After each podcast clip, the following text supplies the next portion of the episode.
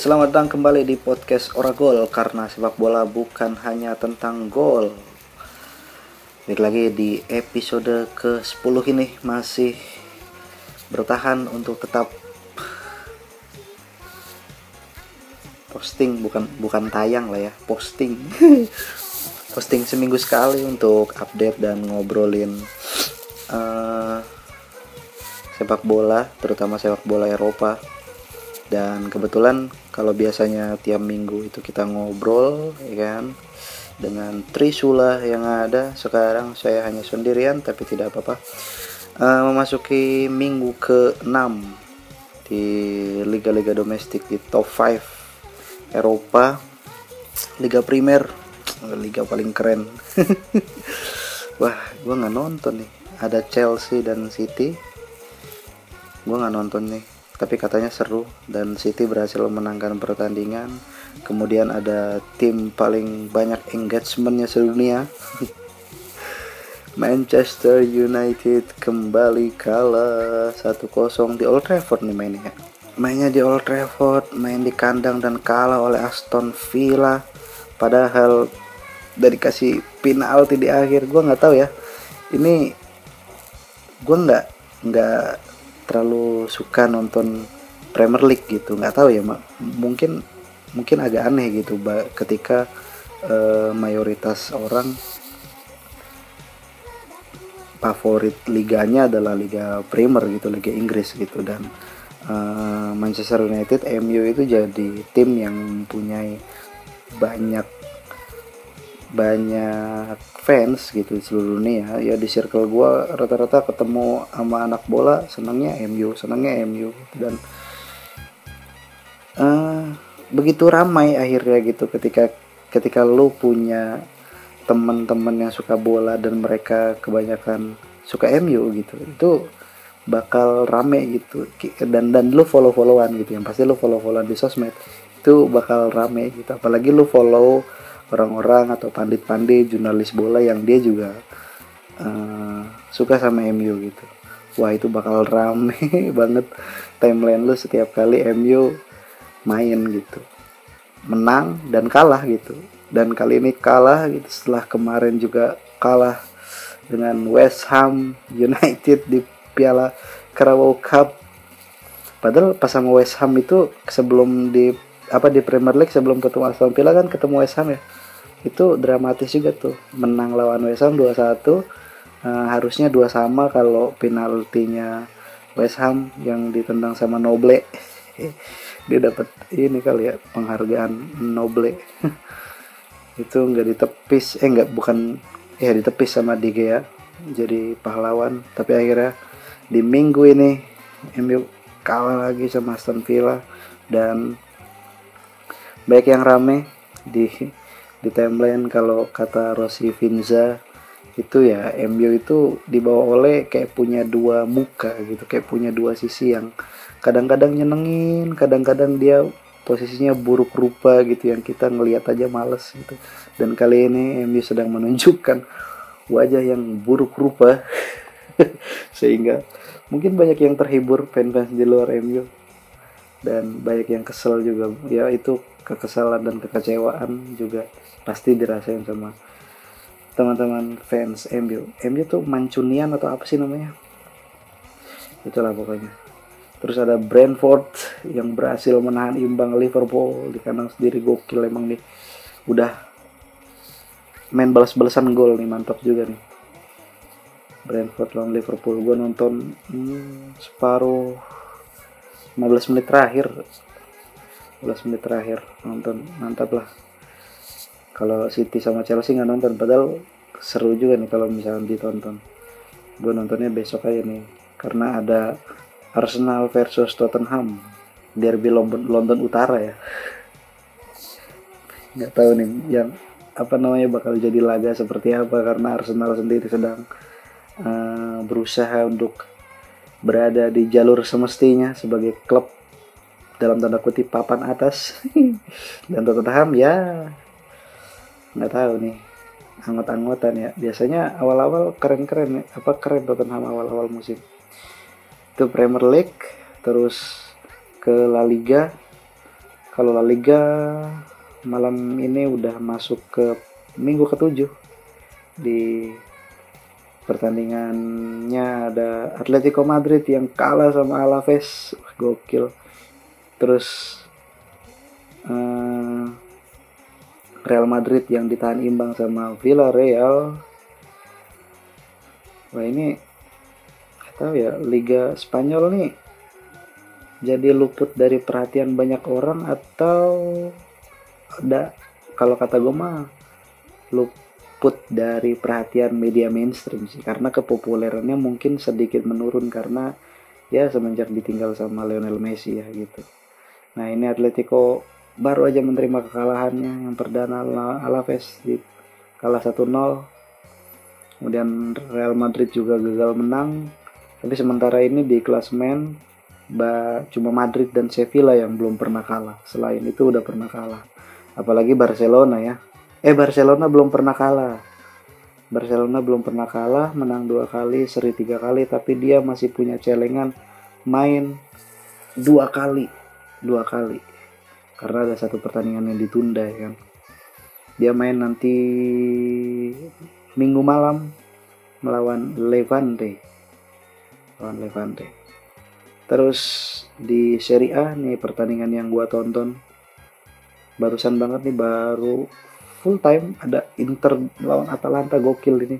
Ini pertandingan yang gue nggak tahu ya mungkin karena gue masa kecilnya dukung Milan ya seneng aja gitu ngelihat Milan apa apalagi sekarang lagi bener, lagi pengen bangkit lagi. Jadi kesannya tuh ngelihat Inter tuh kayak benci gitu nggak tahu kenapa ya. Itu kenapa sih or, apa Milanisti itu nyebut nyebut Inter itu merda gitu? Lawan Atalanta wah ini seru banget nih. Saling kejar gol dan uh, secara permainan kalau yang gue perhatiin sih Inter apa namanya padahal dia mainnya di kandang ya tapi keteteran gitu sama uh, permainan satu duanya uh, Dufan Zavata dan Ruslan Malinovski serta siapa nih? Pesina jadi keren banget gitu. Jadi pertama Inter ngegolin terus dibales 10 menit kemudian gitu sama tendangan Ruslan Malinovski gokil dari luar kotak penalti. Kemudian di babak kedua juga uh, Atlanta berhasil. Eh enggak sebelum babak kedua babak babak pertama. Menit 30 nyamain kedudukan terus menit 38 uh, eh, menggandakan kedudukan si Atalanta ini. Lewat ribonnya tendangan Ruslan lagi Ruslan Malinovski nendang das! Terlalu keras ditepis sama Samir Handanovic. Kemudian bola ribonnya jatuh ke kakinya Rafael Toloy di menit 38 tapi di menit 71 di babak kedua itu ber, apa Inter berhasil menyamakan kedudukan lewat Eden Dzeko di menit 71 sama di gol kemelut juga. Inter dapat penalti sebenarnya tapi di te, apa apa namanya mentok gawang dan di akhir-akhir laga Atalanta sebenarnya nggak golin cuman gara-gara ada VAR gitu. Jadi umpan sebelum bolanya itu di bolanya masuk ke gawang gitu ada umpan sebelum itu katanya di dinyatakan sebagai out keluar. Heh ini antara apa ya antara Inter yang diuntungkan apa Atalanta yang dirugikan? Ya, ya Inter yang diuntungkan dan Atalanta yang dirugikan ya karena Atalanta mainnya udah terengginas banget gitu secara permainan kalah Inter. Dan dia sebenarnya layak menang kalau kata coach Justin ya. ada Juventus lawan Sampdoria yang belum main nih besok nanti besok sore. Main terus ada apalagi Milan kemarin menang. Wah ada derby Roma ternyata besok. Nih kayaknya gue nonton nih seru nih. Udah lama kan nggak nonton Lazio sama Roma apalagi Roma dilatih sama Mourinho sering banyak manuver-manuver mantap nih. Tapi ya belum kelihatan juga sih sampai sampai saat ini gitu. Karena Roma di sampai ke apa namanya minggu sekarang ini ya berhasil menang dan kalah sekali gitu. Menang empat kali dan kalah sekali gitu sementara ini. Belum ada yang gimana gimana gitu. Gitu ya terus Bundesliga gue nggak update apalagi Liga Prancis ya. Liga Prancis ya mungkin gue update nya ya pas Messi main doang. Cuman kabarnya kemarin Messi itu uh, habis ngambek gara-gara diganti sama Mauricio Pochettino pas ngelawan Olympic Lyon. Dan sekarang nanti katanya mau lawan Montpellier player gitu ya. itu aja mungkin ya dari pertandingan-pertandingan yang ada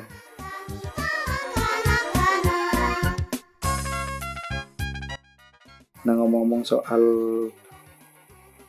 5 top Liga Eropa gitu. Itu kan ada kasta-kastanya ya kan? Nah kasta-kastanya itu biasanya eh, antar fans dari liga-liga tersebut tuh bikin ini, bikin kayak semacam sematan-sematan ke liga-liga yang dianggap lebih rendah daripada liga tersebut gitu kan. Nah, kita kan tahu kan kalau misalkan Liga Inggris itu liga yang paling punya engagement terbanyak di dunia gitu. Hak siarnya paling tinggi. Terus banyak juga pemain-pemain hebat gitu kan klub-klubnya juga klub-klub yang di apa namanya punya manajemen yang rapih gitu dan keuangan yang lumayan sehat gitu dibanding dengan liga-liga yang lainnya sehingga dan kompetisinya juga mau nggak mau dibilang kompetisi yang memang paling kompetitif gitu. Karena ya setiap tim satu sama lain bisa saling mengalahkan gitu nggak nggak cuma dominasi sama satu dua klub doang gitu. Makanya kemudian ya Liga Inggris dibilangnya liga paling kompetitif gitu dibanding dengan empat liga lainnya gitu. Minimal apa ada ada Serie A, La Liga, Bundesliga dan juga Liga Prancis gitu. Nah, gue tuh menarik gitu sama apa namanya sama kasta-kasta yang ada di apa di liga-liga yang ada di Eropa gitu.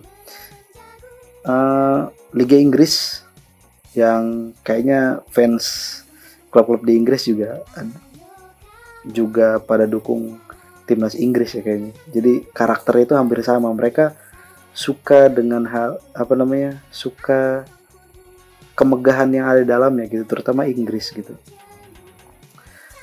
Menganggap uh, liga tersebut liga paling tinggi dan kemudian membuat ejekan-ejekan terhadap liga yang dianggap paling apa lebih rendah gitu di di daripada Liga Inggris gitu. Nah, salah satu yang cukup populer gitu di di apa namanya di media sosial terutama gitu adalah sebutan Liga Petani gitu. Liga Petani atau atau bahasa Inggris itu Farmers League gitu, Liga Petani gitu. Nah, uh, kalau gue sendiri ya yang apa ngikutin bola gitu ngikutin bola ya tahu ini ya dari banyak apa namanya banyak artikel gitu atau uh, tweet-tweet di media sosial atau bahkan uh, obrolan-obrolan podcast bola gitu yang yang gue dengerin gitu. Soal liga petani gitu soal bagaimana liga itu hmm, dianggap sebagai liga yang kurang kompetitif gitu sehingga apa namanya dianggap sebagai liga petani. Nah, ada istilah petani juga menggambarkan bahwa liga tersebut tuh bukan liga yang isinya adalah pemain-pemain bintang gitu tapi justru adalah bibit-bibit unggul yang siap dipanen dan diangkut ke liga yang lebih kompetitif ya Liga Inggris, Liga apa namanya Liga Spanyol, Serie A atau Bundesliga gitu. Nah, Liga Prancis itu disebut sebagai Liga Petani gitu. Oleh fans-fans Inggris terutama gitu. Nah, kalau misalkan eh, lebih jelasnya gitu. Sebenarnya Liga Petani sebutan Liga Petani ini bukan sebutan official ya. Maksudnya media mainstream gitu. Bilang atau ada pandit gitu. Ini slang aja bahasa slang fans fans liga elit gitu ke liga liga Perancis atau liga-liga di bawahnya liga Inggris kayaknya ya. Gitu kayaknya fans Inggris nih yang apa fans Liga Inggris nih yang sering ngata-ngatain gitu. Nah dianggapnya juga di, kenapa dianggap Liga Petani? Karena apa namanya liga ini disebut bermain apa klub-klubnya itu berdomisili di desa atau liga yang diadakan di hari Minggu gitu. Jadi weekendnya itu bukan dari Jumat, Sabtu, Ming, tapi tapi Minggu doang gitu. Ya dan kontestannya juga kecil gitu. Nah sebenarnya ujaran Liga Petani ini itu dijadikan sebagai istilah yang menghina sebagian besar eh, liga yang tidak memiliki kualitas dan daya saing gitu. Kalau kalau gua riset ya, kalau gua hasil baca-baca gitu. Nah, Liga Petani itu bisa dibilang kompetisi yang biasanya didominasi oleh satu atau beberapa klub elit gitu. Sementara isinya sisanya gitu terdiri dari tim-tim kecil semenjana yang ya udah gitu, yang jalan aja gitu. Kalau menang ya hayo, kalau enggak ya lanjut aja gitu. Gitu. Kayak klub-klub kecil misalkan kalau di Liga Prancis tuh mungkin ada Montpellier ada apa lagi ya ada Nice Nice ada apa lagi ya? Lille disebutnya klub kecil nggak ya kalau misalkan di di Prancis gitu konteksnya. Gitu Nah, slang ini lebih umum diadopsi oleh penggemar Liga Inggris secara luas yang menganggap liga mereka sebagai liga kompetisi domestik terbaik dalam olahraga, bukan hanya dalam sepak bola, tapi dalam olahraga. Emang jumawa fans fans Inggris ini.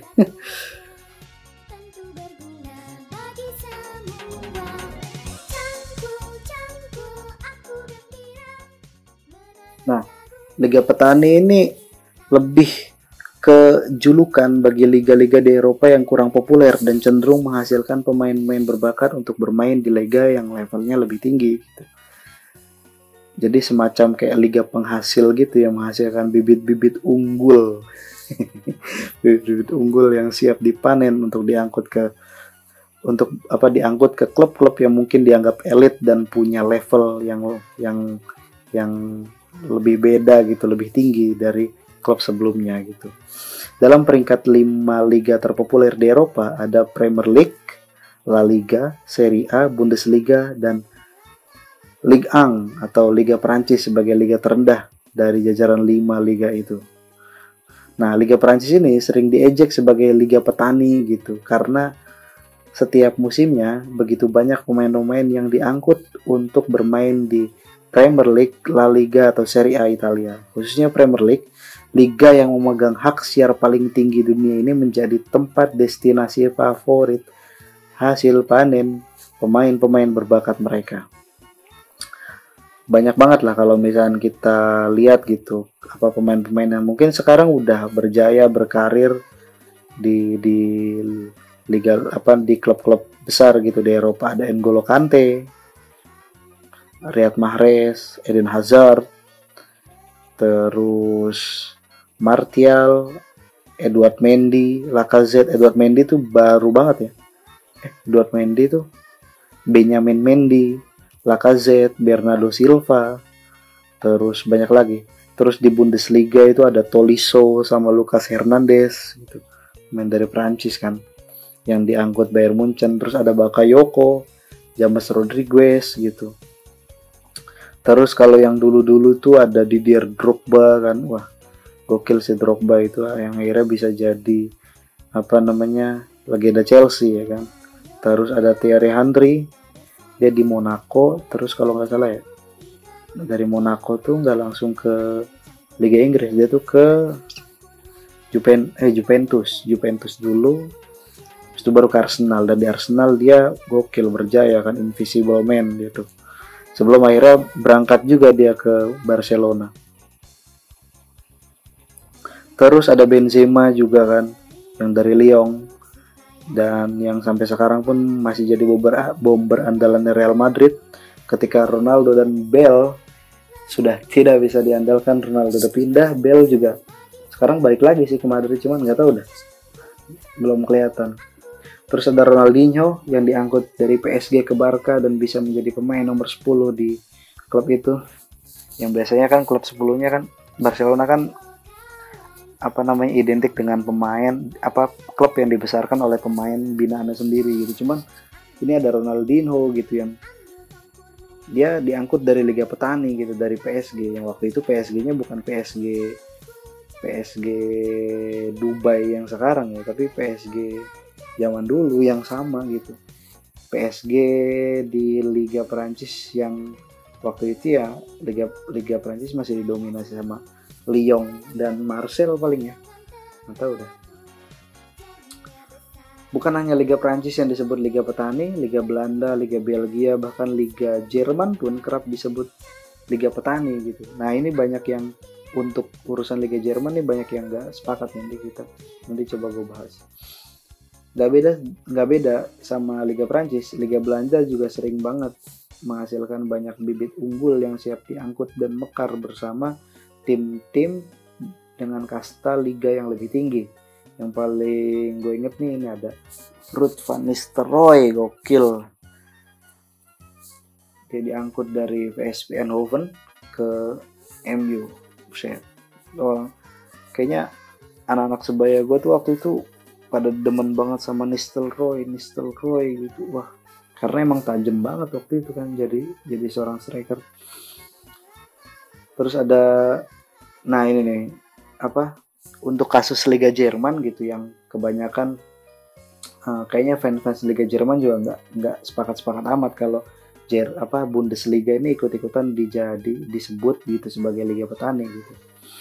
Nah, keseringan yang mereka disebut Liga Petani ini karena mungkin gitu Liga Jerman ya cuma didominasi sama klub yang itu-itu doang gitu kalau nggak Bayern Munchen ya Dortmund gitu. Uh, klub-klub lainnya itu ya jadi semacam sama kayak misalkan sekarang Liga Prancis kan ada PSG gitu kan. PSG atau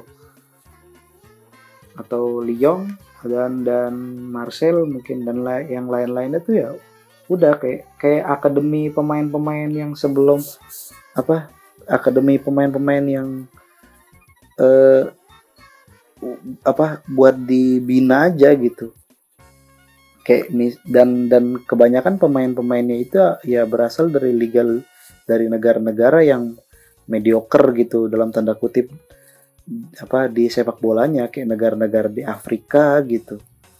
Itu kan banyak tuh pemain-pemain uh, imigran gitu kan yang yang dia berkarir dulu di, di Liga Prancis kalau memang dia keren kan nanti dilirik gitu sama klub-klub besar di Liga apa klub-klub elit gitu di Liga Inggris kebanyakan gitu.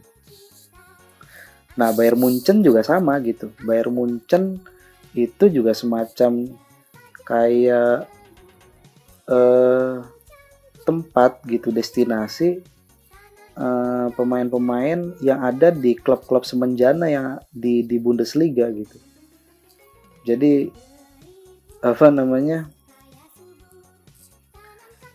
Bayern Munchen nih sering kali apa namanya eh klub-klub semenjana di Bundesliga gitu eh, sering kali jadi semacam transit gitu.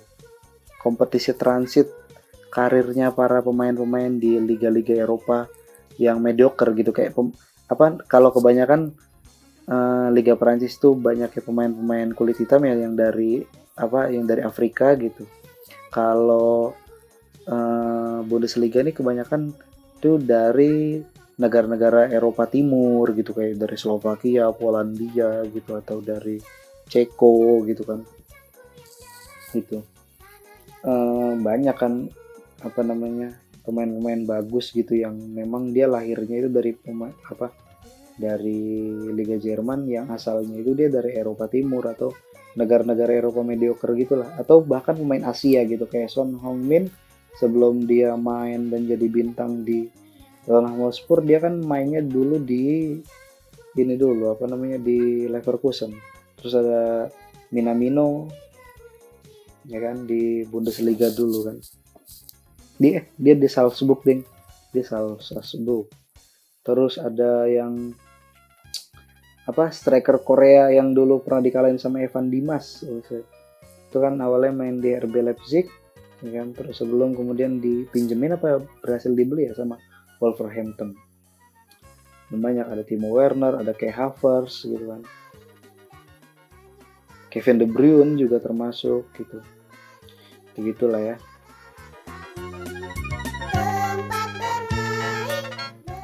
Dan ya Dortmund Munchen yang gak jauh beda gitu. Nah Munchen ini kayak semacam uh, status quo-nya Liga Jerman gitu yang satu jadi satu-satunya uh, apa namanya klub yang bis klub di Jerman yang bisa disejajarkan dengan klub-klub Eropa klub-klub er, elit Eropa yang lain gitu karena cuman Bayern Munchen yang mungkin punya keuangan yang sehat manajemen yang efisien gitu di antara klub-klub yang lain. Bahkan pada 2004 eh, Bayern Munchen ini pernah menyelamatkan rivalnya gitu Borussia Dortmund dari kebangkrutan gitu. Makanya eh, kalau nggak salah itu salah satu perjanjiannya gitu kayak Dortmund setelah dikasih dana keselamatan gitu dari Munchen gitu dia kayak misal apa namanya kayak di, di apa dibikin perjanjian ya apa Bayern Munchen boleh gitu membeli pemain-pemain bintang atau pemain-pemain andalan dari Dortmund kalau Bayern mau gitu. Jadi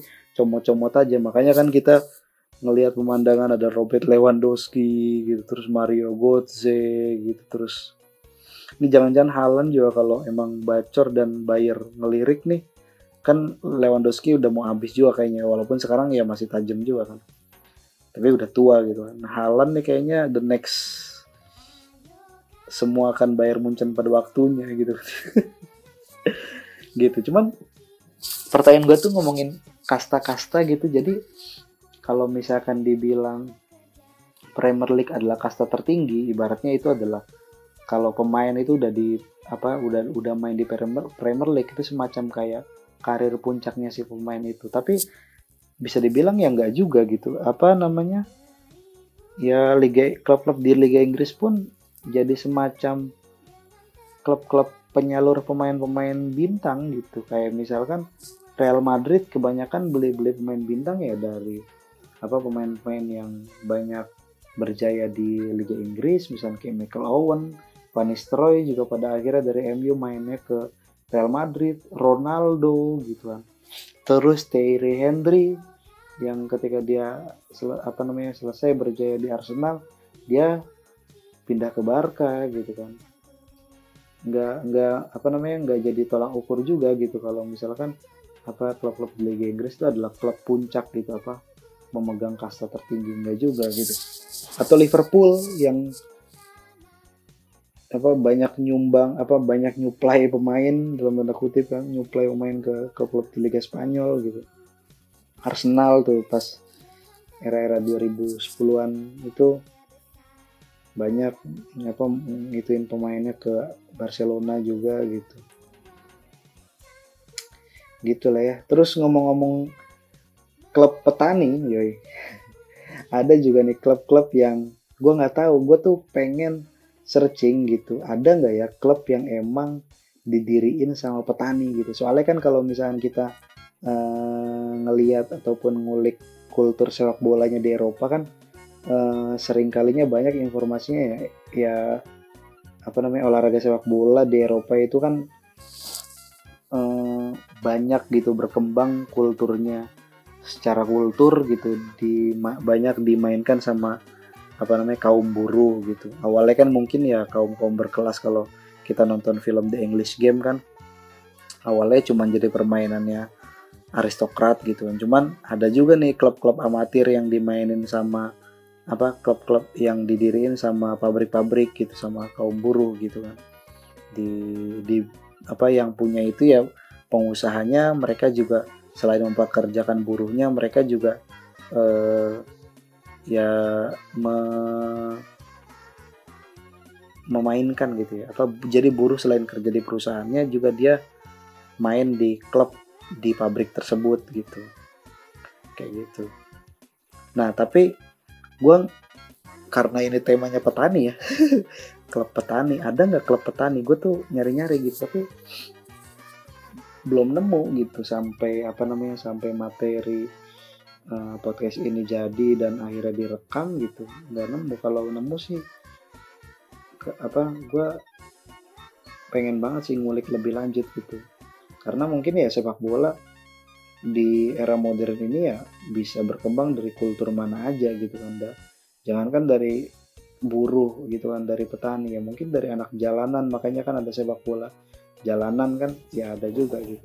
Nah cuman ini gue pengen ngasih tahu ternyata ada klub yang memang eh, punya julukan petani gitu. Ada PSV Eindhoven ini klub di Eredivisie Liga Belanda ya nah, mereka itu punya sebutan buren buren. Gimana gimana mbak? Ejaan Belanda ya. Yang artinya petani gitu. Karena klub tersebut berasal dari daerah provinsi. Ya iya. Ini dari kayak semacam apa klub yang dari datang apa domisilinya di daerah gitu. Mungkin di pelosok gitu. Ini mungkin petani gitu disebutnya gitu. Terus juga kalau di Asia gitu ada klub yang namanya itu Thai Farmers Bank FC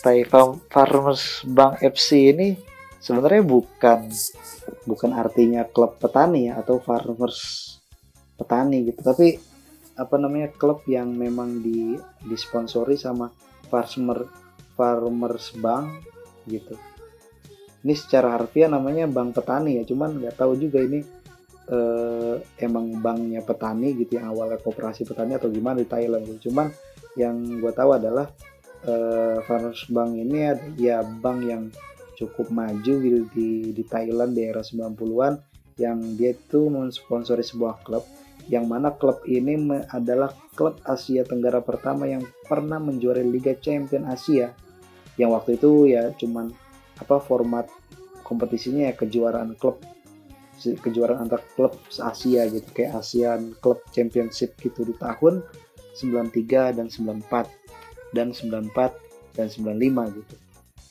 Nah, cuman ketika dia berjaya gitu gara-gara krisis moneter di tahun 97, Farmers Bank ini sebagai sponsor utama kolaps yang akhirnya membuat uh, keadaan tim TFB singkatannya ini juga terombang-ambing dan akhirnya bubar. Ya Allah kasihan banget ya.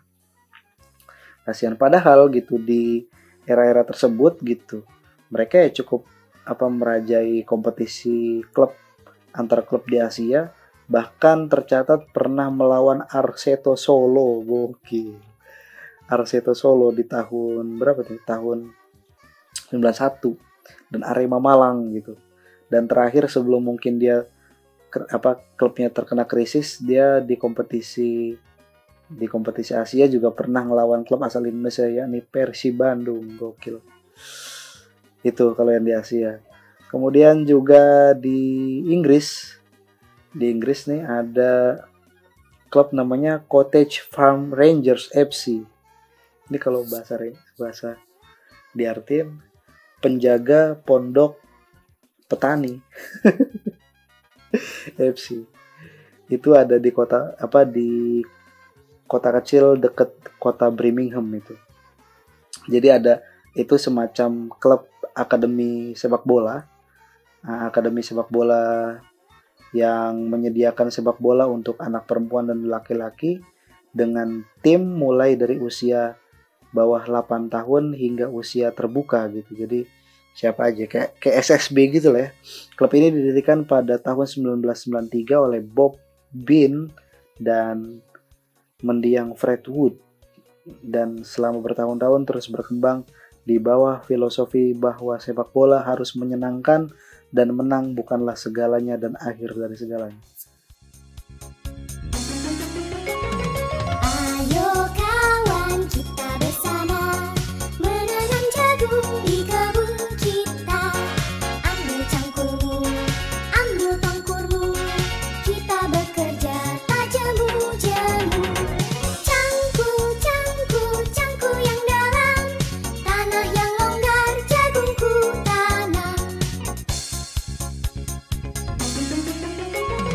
Yeah.